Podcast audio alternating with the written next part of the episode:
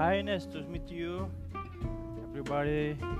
In this opportunity, we want to talking about business opportunity on 2021 that we will facing the great years and that many opportunity that we can get together but we have to prepare ourselves to know about the yes or no that we should do in 2021 with our experienced expert from Ma Chung University, Mr.